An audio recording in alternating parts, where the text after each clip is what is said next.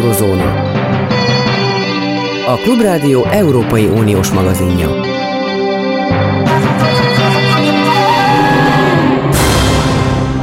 Jó napot kívánok, Zentai Péter vagyok. Vajon Orbán Viktort helyre tette a német vezetés és a volt német vezetés központi figurája Angela Merkel, vagy inkább áment mondtak arra, amit Orbán Viktor csinál Európában és hazájában. Ezt a kérdést jogosnak tarta, tartja e, mostani beszélgető partnerem, régi kollégám, Dési András. Szervusz András! Szervusz Péter, üdvözlöm a Klubrádió hallgatóit! Hogy helyre tették-e vagy sem, ezt én nem tudom megmondani. Én nem gondolnám, hogy a helyretevés volt ennek a Berlin találkozónak a, a, a, a fő célkitűzése én egyébként nagyon jónak tartom, hogy Orbán Viktor elment Berlinbe és találkozott Olaf Scholz kancellárral, mert a magyar-német viszonynak szüksége van arra, hogy a, a, a, a két fél között legyen párbeszéd, és minél magasabb szintű párbeszéd legyen, és minél gyakrabban találkozzanak egymással, mert a két ország viszonya egy nagyon összetett, komplex viszony, Magyarország jelentős mértékben függ a német gazdaságtól, a német cégek beruházás, beruházásaitól, és egyáltalán ugye Európában Németország ellenében semmit sem lehet elérni, Németország jó indulatára mindig is szükség van, tehát ebből a szempontból én azt gondolom, hogy ez egy jó dolog volt, hogy ugye nem rendeztek közös sajtóértekezetet, és ezt ugye fölkapta a sajtó is. Ennek, ennek természetesen van üzenetértéke, ami, ami mutatja, hogy, hogy, hogy, hogy, hogy, hogy, hogy, hogy ez a viszony, ez, ez, ez nem olyan, mint amilyen valamikor volt, hanem ezt azért továbbra is súlyos problémák és súlyos nézeteltérések terhelik. Igen, de legyünk egy picit keményebbek a valósággal. Németországnak a politikusai, akik ma irányítják, nem ugyanazok, mint akik ami ennek láttuk Angela Merkelt, vagyis, hogy adjunk még egy lehetőséget, stb., hanem olyan pártok irányítják, elsősorban a zöldek pártjára gondolok, amelyek tradicionálisan a lehető legkeményebb szankciókat, amiket lehet politikai szankciókat alkalmazni akarják az Európai Uniós intézményrendszerben az Orbán kormány ellen. Ez az nyelvezet, amit Scholz, illetőleg különösen a zöld kollégái beszél beszélnek, ez már réges-rég nem ugyanaz, mint a korábbi időszaknak a, a nyelvezete. Az a kérdés, hogy tartalomban látsz-e olyan fejleményt, ami sejtetni engedi, hogy megmondhatták neki, hogy nem lesz Magyarország úgy az Európai Uniós tagja, Uniónak a tagja, mint ahogy eddig volt. Ugye a német politika az, az, az, az, az kerüli a látványos elemeket tehát ők a színfalak mögött a háttérben politizálnak, és háttérben küldik az üzeneteket. Én azt gondolom, hogy ezt már nagyon régóta megmondták Orbán Viktornak, és a, és a, és a, és a Fidesznek, és ezt, és ezt nem, csak, nem csak a jelenlegi hárompárti koalíció politikusai üzenték, mondták meg a, a magyar félnek, hanem a, hanem a, hanem a CDU-CSU részéről is is többször, többször történt erőteljes utalás, illetve kijelentés arra, arra vonatkozólag, hogy, hogy, hogy, hogy az, ami korábban zajlott, hogy a, hogy a német kereszténypártok úgymond a védőszárnyai alá vették Orbánt és a Fidesz, ez, ez megszűnt, de hát ez, ez, ez, ez, ez nem most történt, ez már sokkal korábban megtörtént.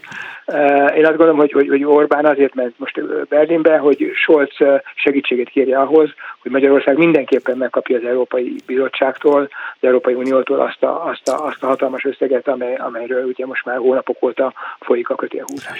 Mert vannak olyan narrát, narratívák, hogy őt be, me, behívták Berlinbe, tehát őt meghívták Berlinbe, és nem Orbán kezdeményezte ezt, és utána egy nappal vagy két nappal e, az Európai Unióban olyan intézkedések születtek, amelyek tulajdonképpen úgy is felfoghatjuk, hogy, hogy megnehezítik e, a magyar kormány helyzetét, nevezetesen az, hogy így kitolták a határidőt, e, és tovább húzzák a, az időt a nyugati oldalon, hogy meg megkaphassa bizonyosan Magyarország ezeket a pénzeket. Tehát eh, nem a magyar fél kapott időt, hanem ők adtak saját maguknak időt, hogy tovább húzzák a nehéz helyzetet, ami elsősorban Magyarország szempontjából nehéz helyzet.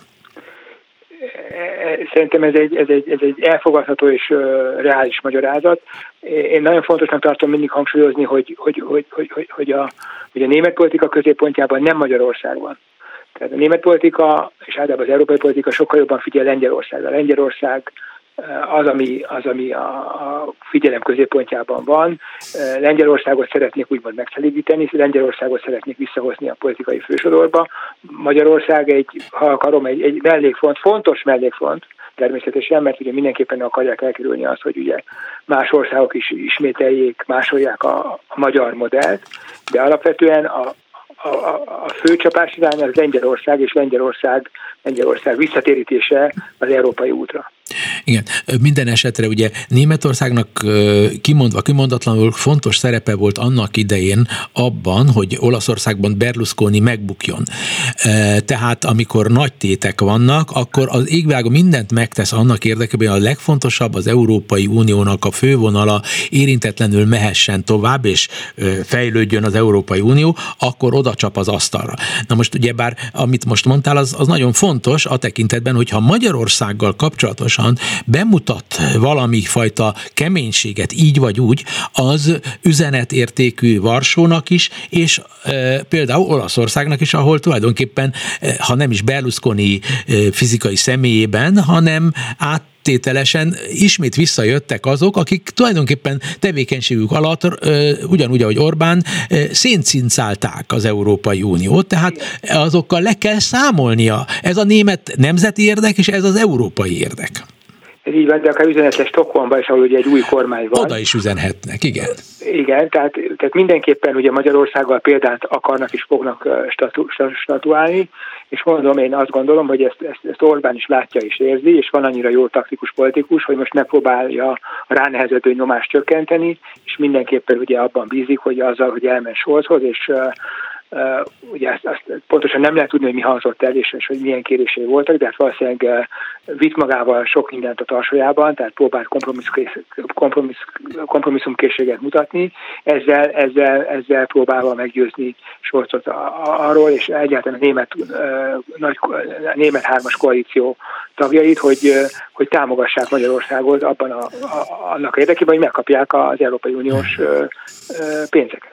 Így van, valószínűleg ez az tarsolya olyan, hogy mindig ugyanaz van a tarsajában, és mindig átveri a vendéglátókat, mert mindig beígér egy csomó dolgot, és úgy beszél, hogy a vendéglátók hallani akarják, aztán hazamegy, és egyrészt jól a fenekükbe rúg azoknak, akiket előtt nap e, e, szépeket mondott, másrészt pedig tartalmilag az ellenkezőjét is csinálja, tehát a, a zöldek azok pontosan kiismerik őt. Tehát ez egy nagyon érdekes játszma, úgy tetszik, és ami viszont valóban lényegi bizonyítás lehet, mert az nem volt korábban, hogy Ukrajna és Oroszország ügyében mit csinálnak, mit csinálhatnak együtt. És az itt az egyik kérdés, amit te neked meg kellene tudni válaszolnod a mi hallgatóink és az én okosodásom érdekében, hogy a jelenlegi német kormány erőse annyira belülről, hogy meg tudja győzni a német közvélemény döntő hányadát, hogy a szankciók helyesek, ellentétben azzal, amit az Orbán beszél, és hogy még jobban és még jobban segíteni kell Ukrajnát. És nem szabad hagyni, hogy Putyin egy picit is győzhessen.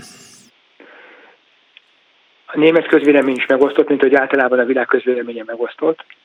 De én azért azt gondolom, hogy, hogy, hogy, hogy, hogy a német politikában, és itt a fősodorhoz tartozó pártokat értem, beleértve nem csak a három kormánykoalíciós pártot, hanem az ellenzéki CDU-CSU-t, tehát, tehát ezek a pártok, ezek, ezek, ezek, ezek konszenzusban vannak a, a, azzal kapcsolatban, hogy Ukrajnát segíteni kell, Ukrajnának fegyvert kell szállítani, Ukrajnának a védelmi képességeit növelni kell.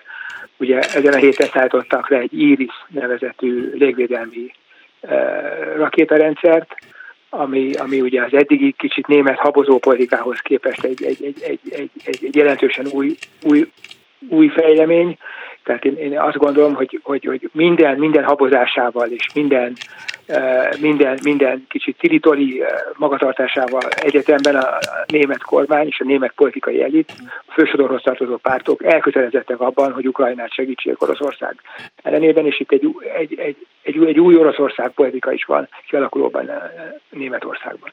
Tehát, tehát az a politika, amit Angela Merkel képviselt, és amit a korábbi korábbi kormányok is képviseltek, én ebbe beleértem Helmut Kolt is, a néhai Helmut Kolt is. Ennek a korszaknak vége van, az ukrajnai háború ezt, ezt, ezt a korszakot végleg a német társadalom egy részének, baloldali részének is, és radikálisan jobboldali részének egyaránt e, muzsika fülei szám, füle számára az, amit Orbán e, dalol, hogy tudnilik a szankciók, azok ott a legrosszabb dolgok, a szankciós háború zajlik, és így tovább. Na most ez, ez egy mérhetetlenül fontos kérdés tartalmilag, hiszen Németország megértette a politikailag, a CDU-t is, CSU-t is beleérte, hogy a szankcióknak a legnagyobb éppenséggel a hatása. Viszont a Linke és az F, a, az AFD és Orbán együtt ugyanazt fújják. Ez, és mi, Igen, mi, ez, hol, hol tart ez a meccs? A német társadalomnak mekkora hányada tudja ezt a dolgot eh, elfogadni, és mekkora hányada a te véleményed szerint az, amelyik ezt a baromságnak tartja, amit az Orbánék beszélnek?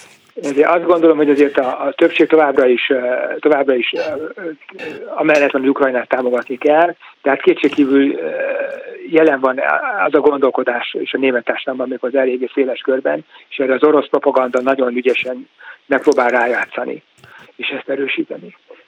Ugye azt látni kell, hogy, ugye, hogy ugye Orbán nem, nem, nem most lépett bele a, a német belpolitikába, tehát ő már korábban is a, a 2015-2016-os szíriai menekültválság nyomán is már ugye egy, egy, egy jelentős tényezővé vált a, a német belpolitikában, amikor ugye volt az a külön háború a CDU és a CSU, két akkori vezetője Angela Merkel és Horst Seehofer között, és ugye Orbán volt a, a úgymond a pofozógép a, a kettőjük, kettőjük párviadalában.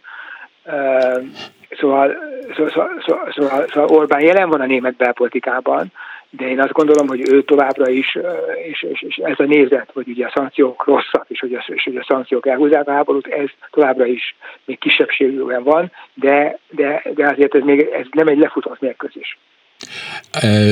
Megkérdezlek téged, mint megfigyelő, hogy érzed, hogy ez a németországi látogatás is, és egyébként is afele mutat, hogy végül is Orbán így is, úgy is meg kell, hogy kapja az uniós pénzeket, mert az németeknek ugye bár az az értekük elméletleg, hogy az unióban most ne jöjjenek létre új frontok, új problémák. Én azt gondolom, hogy, hogy Magyarország és a magyar kormány meg fogja kapni ezeket a pénzeket, de, de, de most az Európai Unió van, van egy olyan elképzelés, hogy ugye megpróbálni a lehető legtöbb garanciát és a lehető legtöbb ígéretet, kompromisszumot kicsikarni, ki, kitaposni magyar kormányból és Orbánból, és ameddig lehet ezt, ezt húzni fogják, és, és, a, és a lehető legtöbbet szeretnék ebből kihozni, tehát, tehát nem biztos, hogy ez idén, de lehet, hogy akkor 2023 elején ezek a pénzek meg, meg fognak érkezni. András, nagyon szépen köszönöm a beszélgetést. Én Minden jót szépen. kívánok neked. Viszont hallásra. Maradjunk akkor a nagy-nagy háborús kérdésnél, ami alá van fölötte van pontosabban mindannak, amiről mostanáig beszéltünk, mert ezek a részletek, a magyar-német kapcsolatok Orbán Viktornak a vitatható és ellentmondásos kijelentései itthon, illetve külföldön, ezek mind-mind valamilyen módon függvényei annak, hogy mi lesz az egész világgal, az orosz agresszió nyomán. A világnak a közel-keleti, közép-keleti része minden esetre vagy járulékos haszonélvezője, vagy járulékos elszenvedője annak a háborúnak. Arra hajlanék, hogy inkább járulékos haszonélvezője. De megkérdezem Wagner Péter biztonságpolitikai szakértőt, közép-kelet szakértőt, hogy ha Törökországról beszélünk, ha Izraelről beszélünk, ha Libanonról beszélünk, ha Iránról beszélünk, és beszélünk a közép-ázsiai egykori volt szovjet köztársaságokról, illetve a kaukázisi köztársaságokról, akkor vajon mindent egybevetve nem arról van szó, hogy ezek a térségek, országok most nagyobb hévvel tudnak aktivizálódni, és saját érdekeiket megtalálni a háború árnyékában? Jó napot kívánok! Hát én inkább igazán azt mondanám, hogy nagyobb mozgásterük van a külpolitikájuk és a nemzeti érdekeik érvényesítésében mert, mert a, az, hogy Oroszország, ugye, amely különösen a közép országok esetében egy nagyon befolyásos szereplő, most le van kötve Ukrajnával, ez, ezeknek az országoknak egyszerre lehetőség, és egyszerre felelősség abban az értelemben, hogy miként alakítják a saját mozgásterüket. Most konkrétan mondjuk egy ilyen tajik-kirgiz konfliktusra gondolok, ami felelősség is, mert nem számíthatnak Oroszország közvetítésére, egy olyan konfliktus van valamelyik valamelyikkel viszályuk van. Törökország számára ez azt a lehetőséget kínálja, hogy azt az önálló külpolitikát, amit már idáig is folytatott, ezt még inkább csinálja, és bizonyos értelemben meg is nő a lehetősége, meg is nő a, a, a mozgástere Törökországnak, hiszen eddig igazából mondjuk egy ilyen kelet-nyugat szembenállásban egy, a nyugat számára egy ilyen problémás szereplő volt, akiről nem tudták eldönteni, hogy most NATO tagként pontosan milyen irányba tart. Most már viszont ugye ez az ukrán-orosz konfliktus, ez egy nagyon komoly közvetítő, az egyik legfontosabb közvetítő szerep biztosítja Ankara számára, hiszen Ukrajnával is nagyon jók a kapcsolatai, Oroszországgal is jók a kapcsolatai, úgyhogy egyik pillanatra a másikra a NATO-nak az egyik fekete bárányából a nato az egyik fontos szereplőjévé vált, hiszen a Fekete-tenger térsége az gyakorlatilag részben török beltenger, és, és gyakorlatilag ő lett az egyik legfontosabb támogatója Ukrajnának, miközben miközben Oroszországgal is fel tudja tartani a kapcsolatait. Az, azt magyarázza el, hogy miért engedi Törökországnak meg azt az orosz elnök, amit másoknak nem enged meg. Hát hiszen belegondolunk abba, hogy Magyarország nem merné megcsinálni, hogy Oroszországgal szoros kapcsolatokat akar ápolni energetikai ellátása okán, és mindent megtesz annak érdekében, hogy egy rossz szót a kormánypárti sajtóban ne írjanak le Putyinról, addig Törökország a legkomolyabb fegyverekkel is támogatja Ukrajnát, és eközben éppen talán a mai napon, vagy tegnap kezet fogott egymással barátként mint Putyin és Erdogan. Ez, ez, ez, ez, mi ez a török kivételezett helyzet? Ez a geopolitikai helyzetéből fakad? Ez a geopolitikai súlyából fakad Törökországnak, mert Oroszországnak még így is megéri szoros partnerként kezelnie, nem szövetségesen, de szoros partnerként kezelnie Ankarát. Azért ne felejtsük, hogy nem csak itt az ukrán háború az egyetlen orosz külpolitikai értek, hanem a NATO meggyengítése, a NATO megosztása. A Szíriában is vannak külpolitikai érdekei Oroszországnak, amiben Törökország szintén nagyon fontos szereplő. Egyébként Közép-Ázsiában is, hiszen Törökország külpolitikai terjeszkedésének az egyik iránya az épp a török nyelvű Közép-Ázsia. Úgyhogy egyszerűen ez, ez Törökország geopolitikai súlyából fakad. Az orosz gázvezetékek közül ugye már csak azok működnek, akik Törökországon keresztül mennek, van egy fontos energetikai együttműködés. Úgyhogy uh, itt, itt pont ez ez van, hogy Törökország megteheti, a török vezetés megteheti, hogy, hogy ennyire szertágazó diplomáciát folytat. Egyébként ez, ez sokkal inkább jellemző, mint, mint, mint gondolnánk. Csak ugye szereti mindenki a fekete-fehéren nézni a, a folyamatokat, hogyha egy ország nyugatbarát, akkor nem lesz az oroszokkal, egy ország orosz barát, akkor nem lesz kapcsolatban a nyugattal.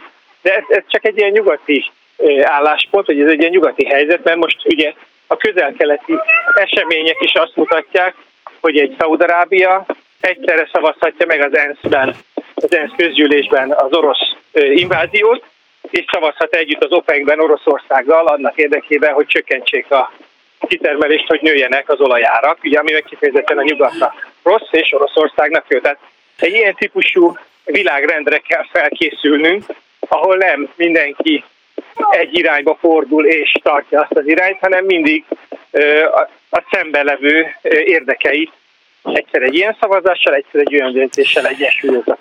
Igen, azzal a megkötéssel, hogy, hogy a törökök olyan fegyvereket küldenek Ukrajnába, amelyekkel konkrétan orosz katonáknak az életét oltják ki az ukránok. Ezt azért Szaudarábia így nem csinálja, Amerika nem csinálja, Nyugat-Európa nem csinálja, és másik oldalról pedig az oroszok pedig sokszor azt mondják, hogy a, ha a nyugat folyt folytatja a fegyverszállításokat Ukrajnának, akkor azok a, a nyugatot is háborús félnek fogják tekinteni, de nem Törökországot, amelyiknek mindent megengednek. De most ezt folytatjuk mindjárt, most a híreket hallgassuk meg, és utána Wagner Péteri a szó megint. Köszönöm. Eurozóna. Folytatjuk a beszélgetést Wagner Péterrel. Az a az embernek a benyomása, hogy Törökország meghatározó szerepe azzal is összefügg, hogy ugye egyrészt nagy katonai erő, másrészt azzal, hogy az oroszokkal együtt kell működnie valamiképpen, mert az oroszoknak létkérdés, hogy a törökök ne szipkázzák el előle teljes mértékben ezeket a közép-ázsiai volt szovjet köztársaságokat, mert ezek az úgynevezett törk, türk nemzetek kezdenek az oroszokkal egyre élesebben szembeállni, és olyan, mintha Törökországot éreznék maguk mögött, mint véderőt, hogy merjenek úgymond szemtelenkedni Moszkvával. Kazasztán mer szemtelenkedni, és aztán lassan Üzbegisztán, mindegyik, Grúzia, mindegyik, és eközben az egész orosz emigráció, a besorozandó orosz katona fiatalok hova menekülnek? Ezekbe az országokba menekülnek. És ott van Törökország. Tehát valami módon módus mit kell kitalálni a Oroszországnak Törökországgal, vagy vele szemben is háborúznia kellene, hát azt nem bírná. Nem, természetesen Orosz, Örökországa nem fog eh, háborúzni Oroszország.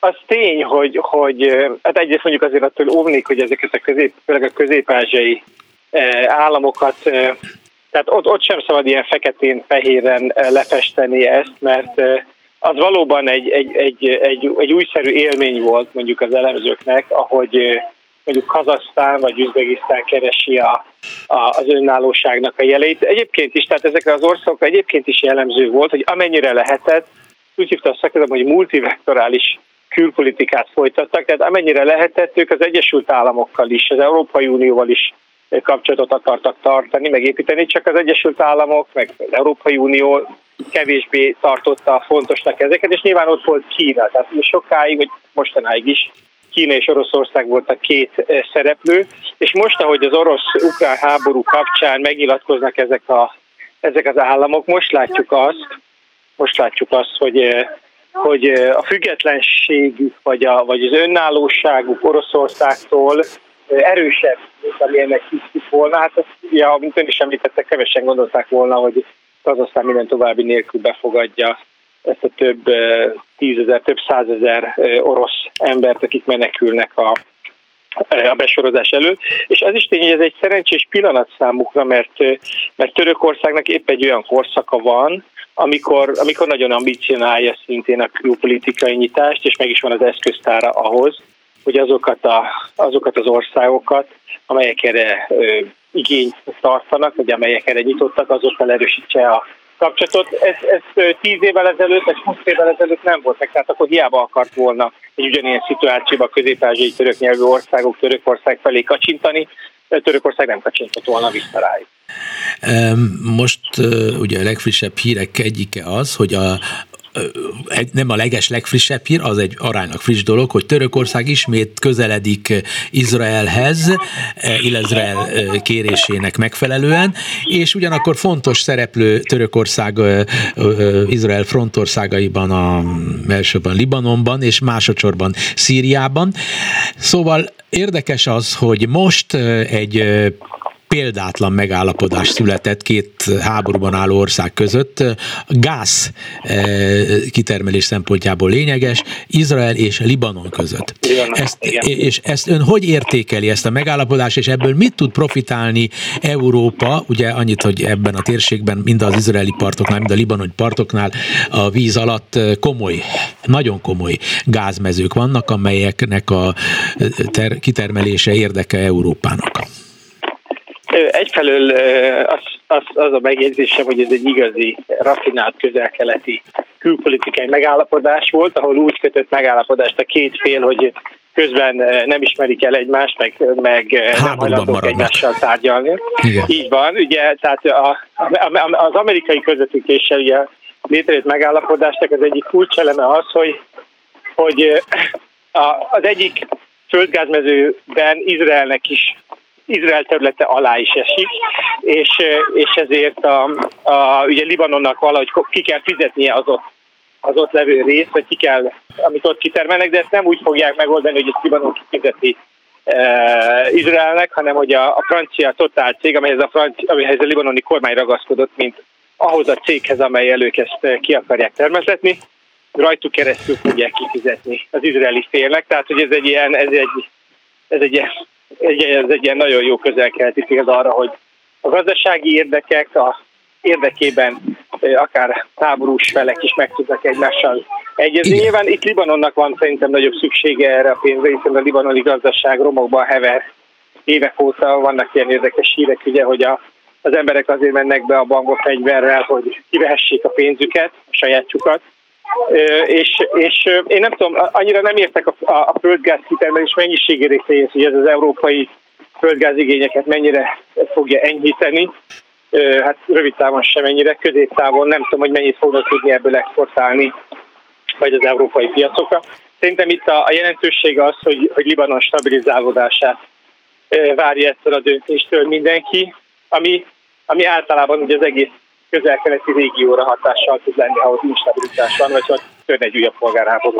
Igen, ugye Libanon egyébként egy negyed mértékben mindenképpen Irán által van megszállva, ha nem is konkrétan, de hát az iráni titkos szolgálat, az irániaknak a szíriai vazalusai és a haverjai Igen. mind ott vannak Libanonban, és e, e, a Hezbollah nevű szervezet kimondottan támogatta az Izraellel való megállapodást. Ez egészen Igen. fantasztikusnak tűnik a külső szemlélő számára. Igen. Szerintem, szerintem ennek az az oka, hogy, hogy Iránnak sem érdeke általában egy újabb frontot nyitni. Tehát, hogyha most Libanon a polgárháború lenne, az, az már megfeküdni. Tehát Iránnak otthon is problémái vannak, Irakban fel kell tartani a jelenlétét, Szíriában ott kell lennie, Jemenben ott kell lennie.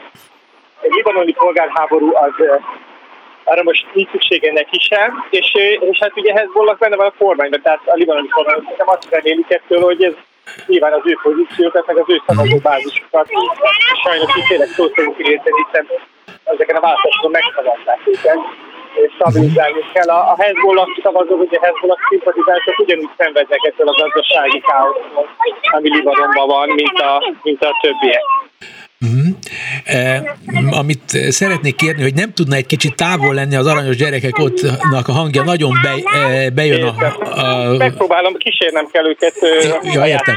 Bo- haza, elnézést kérek. Megpróbálok egy jó, akkor, próbál, jó, akkor arja. Ne, ne, nem vagyok gyermekellenes, semmiképpen sem, csak hogy a hallgatók jól, tisztán halljanak.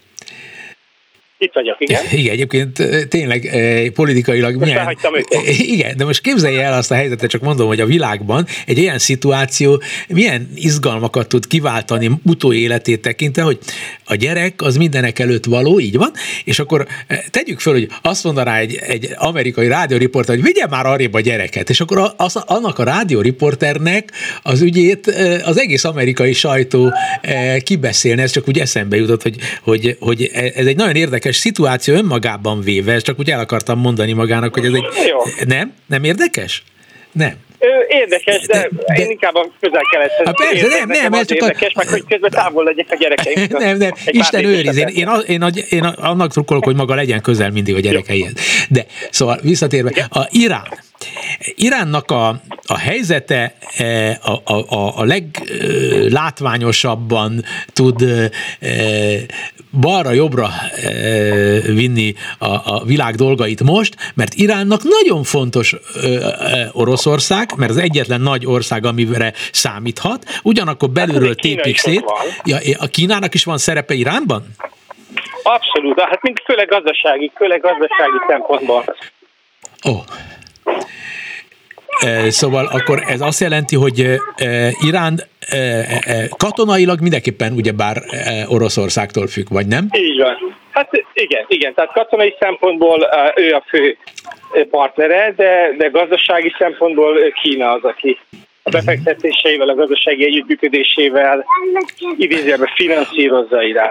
A, a, az, az, hogy Irán drónokat küld az orosz hadseregnek, az önmagában véve egy olyan ok, ami miatt teljesen legitimek a szankciók Iránnal szemben, a nyugati szankciók. Kína minden további nélkül oda csinálhat, hogy milyen nyugati szankciók vannak Iránnal szemben, tehát ő ettől teljesen függetleníteni tudja magát, és tudja Iránon keresztül közvetetten így vagy úgy támogatni Oroszországot?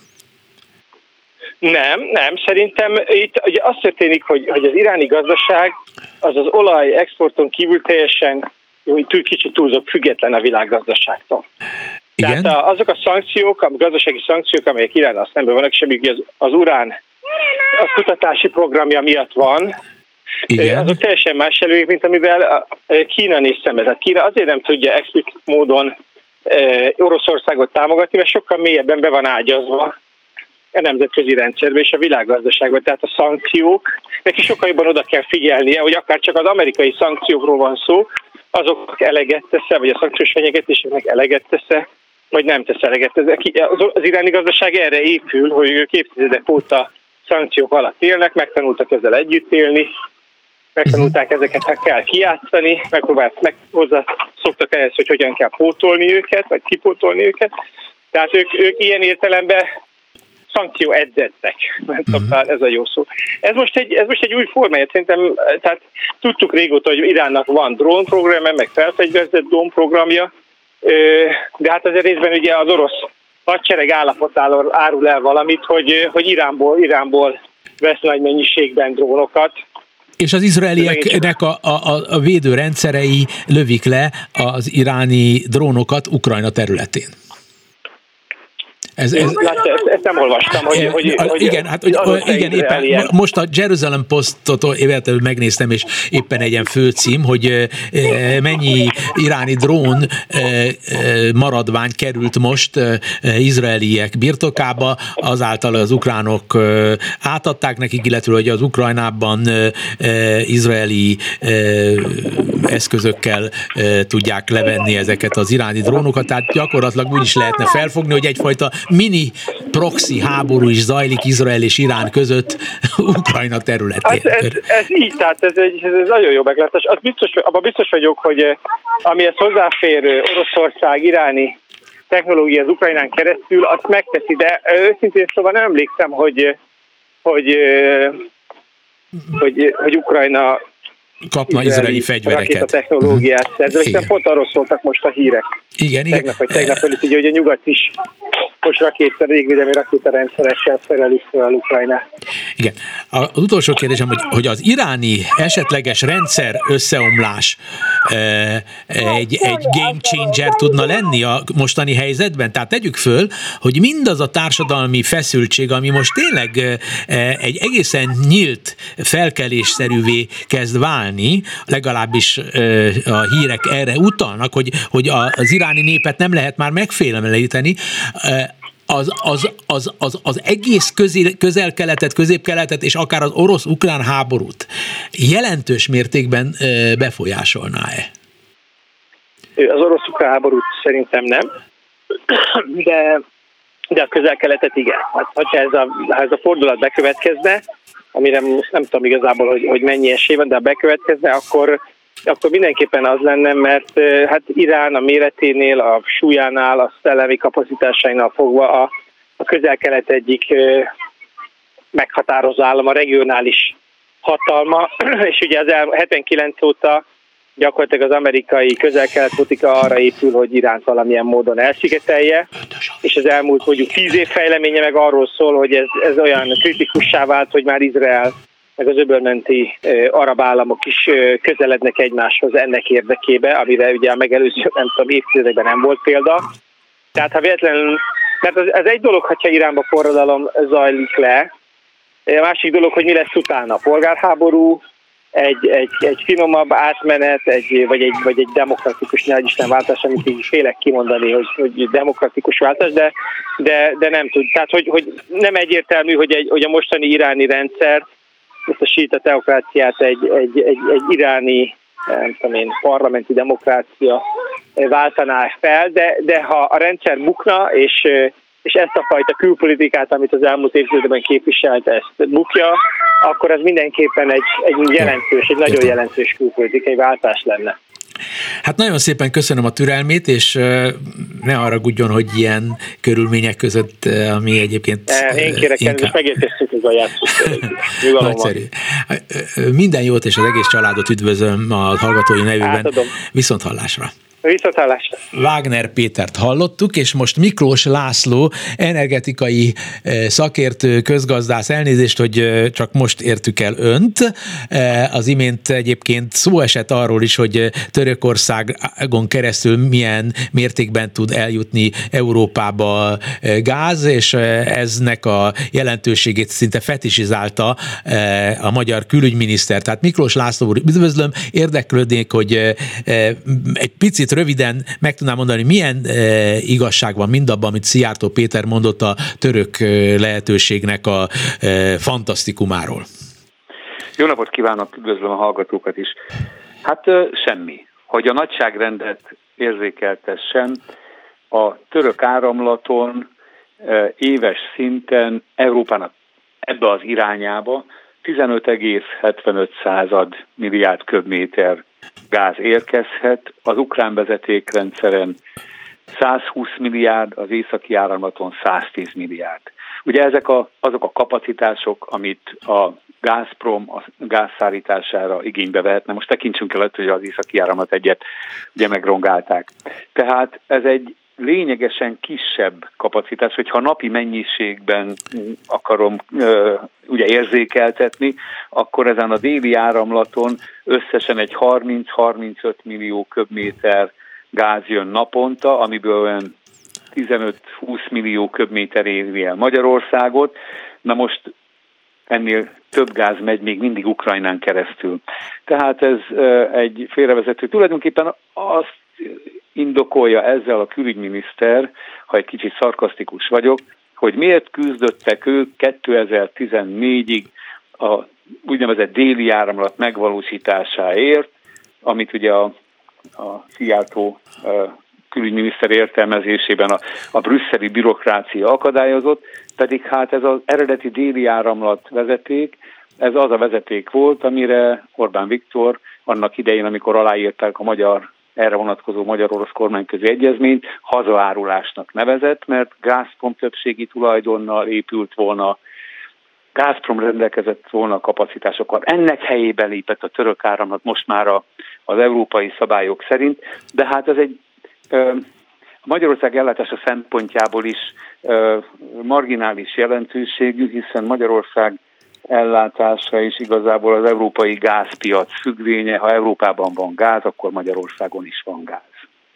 Igen, de mi úgy mutatjuk be, és ennek nagyon nagy a dramaturgiai szerepe a kommunikációban, hogy Magyarország egy, egy teljesen unikális dolgot fedezett föl önmaga számára, hogy úgy tud gázhoz jutni, míg mások nem tudnak gázhoz jutni, és ezért az a verejtékes küzdelem, aminek része, hogy oda jutott Moszkvába a magyar külügyminiszter, és kezet fogott, és szerencsétlen kénytelen volt kezet fogni olyan oligarchákkal, akiket azonnal letartóztatnának, hogyha belépnének mondjuk Ausztria területére. Igen, de hát uh, itt tulajdonképpen, ha lehet így fogalmazni, egy fedő akcióról van szó. A különleges magyar-orosz viszony megindokolni próbáló akcióról. Megint, hogy számokkal érzékeltessem a nagyságrendet. Európába naponta 400 millió köbméter gáz érkezik Norvégiából, 400 millió köbméter gáz jön LNG-ként, és ezen kívül még jön ugye Algériából egy napi 100 millió köbméter, meg még van valamennyi saját termelés is, tehát ehhez képest az, hogy a, a, a török áramlaton mennyi érkezik, ez egy teljesen lényegtelen kérdés. Ha egyébként megnézi valaki a földgázszállító vállalat honlapját, akkor azt látja, hogy folyamatosan jön gáz Baumgarten felől a hágvezetéken, Horvátország felől, most ugyan nem, de az elmúlt hetekben jött végig Románia felől, tegnap még Szlovákia felől is. Tehát ha valamiért a külügyminiszternek tárgyalni kellett volna Moszkvában, akkor az éppen az lett volna, hogy a, ha lehet, akkor Ukrajna felől is kaphassunk gáz, hiszen a magyar gázrendszer úgy lett kiépítve, fizikai értelemben a csővezetékrendszer és a kompresszorállomások, hogy Ukrajna felől kapjuk a legtöbbet. Kettő, ezzel segítettük volna Ukrajnát is. Három, ha azt a törekvését támogatjuk a Gazpromnak, hogy is Baumgarten felől ne jöjjön be gáz, azzal még fizikai értelemben is ellátás biztonsági kockázatot okozhatunk egy hideg téli napon a Dunántúlon, mert a rendszer úgy van fölépítve, hogy akkor tud kiegyensúlyozottan működni, hogyha Baumgarten felől is jön a gáz. Na most szerencsére nem csak orosz, vagy hogy mondjam, Gazpromtól vásárolt gáz jön Baumgarten felől, de hát tulajdonképpen az ellenkezőjét tette annak a külügyminiszter, ami akár szakmai, akár politikai szempontból indokolt lett volna. Ez egy utálatos kérdés, hogy kinek az érdekét szolgálja ez? Hát most mondja meg nekem, hogy hogyha az országnak nem érdeke, akkor ki, csak úgy, mondj, nem, nem azt akarom kérdezni, hogy ön tudja megnevezni, hogy ki itt a felelős valamiféle huncutságért, vagy bűncselekmény, hanem hogy, hogy egyébként kinek jó ez? Hát én azt hiszem, hogy ebben van egy olyan általános külpolitikai fölfogás, amely azt mondja, hogy a magyar különutasság a türk tanácstól kezdve a keleti nyitásig, kínai kapcsolaton keresztül, ez előnyös az országnak. Ez még eddig nem bizonyosodott be, de a hátrányai már láthatóak voltak. A másik, az a téves fölfogás, hogy Magyarország ki van szolgáltatva Oroszországnak energiaellátásban, és akkor itt sokszor nem csak a gáz szokták mondani, hanem az olajat is. Tehát nem olyan régen még a, a napokban, amikor kellett eh, Berlinben a miniszterelnök sajtótájékoztatót tartott, újra elmondta, hogy hát ugye annak idején azt mondta a brüsszeli eh, bürokráciának, hogy Magyarországra nem lehet tengeren olajat szállítani, csak egy cső van, a cső másik vége Oroszországban van, Nehéz eldönteni, hogy, hogy, és ugye van az Adria vezeték, tehát nehéz eldönteni, hogy ez tudáshiány, vagy inkább egy, hogy mondjam, a különleges kapcsolatot indokolni próbáló hát hamis érv. Igen, hadd kérdezek valamit. Ha én most MOL fő részvénytulajdonos lennék, ezekben a helyzetekben sokat keresnék, vagy sokat veszítenék? Most különleges helyzet van abból a szempontból, hogy a, a háború kitörése óta a úgynevezett Brent, tehát az északi tengeri e, kőolaj és az orosz, az urál kőolaj jegyzésára között nagyon nagy e, különbség keletkezett. Korábban ez 1-2-3 dollár volt, most pedig 30-35 dollár volt, most ez szűkült 25 dollárra. Ez azt jelenti, hogy éves szinten nagyjából egy másfél-két milliárd dollár extra nyeresége keletkezik a, a, keletkezne a molnak, ha nem lenne hatósági áras az üzemanyag. Tehát ugye ez, ez az a hajtóerő, ami a kormány valószínűleg arra viszi, hogy ragaszkodjon ahhoz, hogy a csővezetékes kőolajra ne vonatkozzon az orosz olajember. Tehát a molnak segít. A molnak egyébként társtulajdonosa maga a magyar állam. Hát igen, az és, és, és tudjuk azt, hogy társadalmasan molnak a kormánynak, a tagjainak a rokonai, és az egész magyar vezető rétegnek komoly mor kitettsége van közvetett alapon. Jó. Hát ez, ez azért, ez nem, tehát, hogy mondjam, ez, ez nem, van egy ez, ez, ez, nem, nem, nem, hát ez tényleg, én is, hogyha kormánytag lennék, akkor nyilvánvaló, hogy ha, ha, ha megteheti a feleségem, hogy a spórolt pénzét hova tegye, akkor azt mondanám, hogy vegyen molt, mert a magyar. Hát közismertem magyar, mert a világ bármely részén lehet valaki tulajdonos, de akkor is kinevezzük magyarnak, hogy a Fradinak a nyolc fekete játékossal és egy idegen edzővel is az egy magyar csapat. Tehát ez nyilvánvaló. Csak most gúnyolottam. Ami engem nagyon érdekelne az az, hogy most, hogy ezeket a hatalmas ö, táncokat járja, ami drága fizetőeszközünk, valóban drága, de most ma sokkal kevésbé drága, mint tegnap volt. Ehhez ön ez tud-e röviden valamilyen kommentárt fűzni, hogy végül is megszegte saját ígéretét Matolcsi György, aki azt mondta két héttel ezelőtt, hogy befejeztük a kamatemelést, erre most turbósított kamatemelést hajtott végre. Hát igen, azért ez egy hosszabb folyamat, nevezetesen a Magyar Nemzeti Bank, ahogy korábban is mondta, neki nincs árfolyam célja, és ezért engedte a forintot folyamatosan gyengülni. Most, amikor erre hát a világpiacról érkező hatások is rárakódtak, elsősorban a megdráguló energia és az ebből nem keletkező deviza éjség, akkor ezt már nagyon nehéz megfékezni. Tehát ha, ha csak ennyi lett volna, amit az elmúlt két hónapban történt, hogy a dráguló energia miatt egyre nagyobb volt a deviza kitettség, akkor meggyőződésem szerint nem lenne ekkora a baj, de hát ez már rá, hogy mondjam, tett, rá, pluszban került rá egy hosszú folyamatra, hiszen ha visszagondolunk, azért a forint folyamatosan gyengült, nem csak az elmúlt két hétben. Tehát ezzel már csak ilyen extrém eszközökkel lehet úrá lenni, amit a kormány be is vetett, de hát ennek súlyos következményei lesznek a gazdaság más ágaiban. Öntől is megkérdezem, mint az első riportalányomtól megkérdeztem, hogy most már tényleg be kell fejeznünk, a válaszoljon röviden. Igen. Megkapja Magyarország az Európai Uniótól ön szerint a pénzt, amit úgy mondunk, hogy Magyarországnak jár? Igen, megkapja. Nem biztos, hogy hiánytalanul, de meg fogja kapni. Ez az európai érdek nem érdekel Európának, hogy Magyarországon rendkívüli gazdasági nehézségek legyenek. És ön bízik abban, hogy ennek fejében valamennyire javul a minő, kormányzásnak a erkölcsi minősége? Hát ugye legalábbis a beterjesztett törvényjavaslatok azok ö, azt vetítik előre, a kormány hajlandó változtatni, az egy másik kérdés, hogy ez hogyan fog működni, hiszen az eddigi tapasztalat az, hogy nagyon gyakori az, hogy a kormány mást mond, mint amit cselekszik. Miklós László, közgazdás, energia, közgazdász, energia szakért. Nagyon szépen köszönöm, hogy velünk volt a viszonthallásra. Köszönöm én is viszonthallásra. Elbúcsúzom hallgatóimtól, mégpedig Simon Erika, Túri Lui és Bencsik Gyula nevében a viszonthallásra.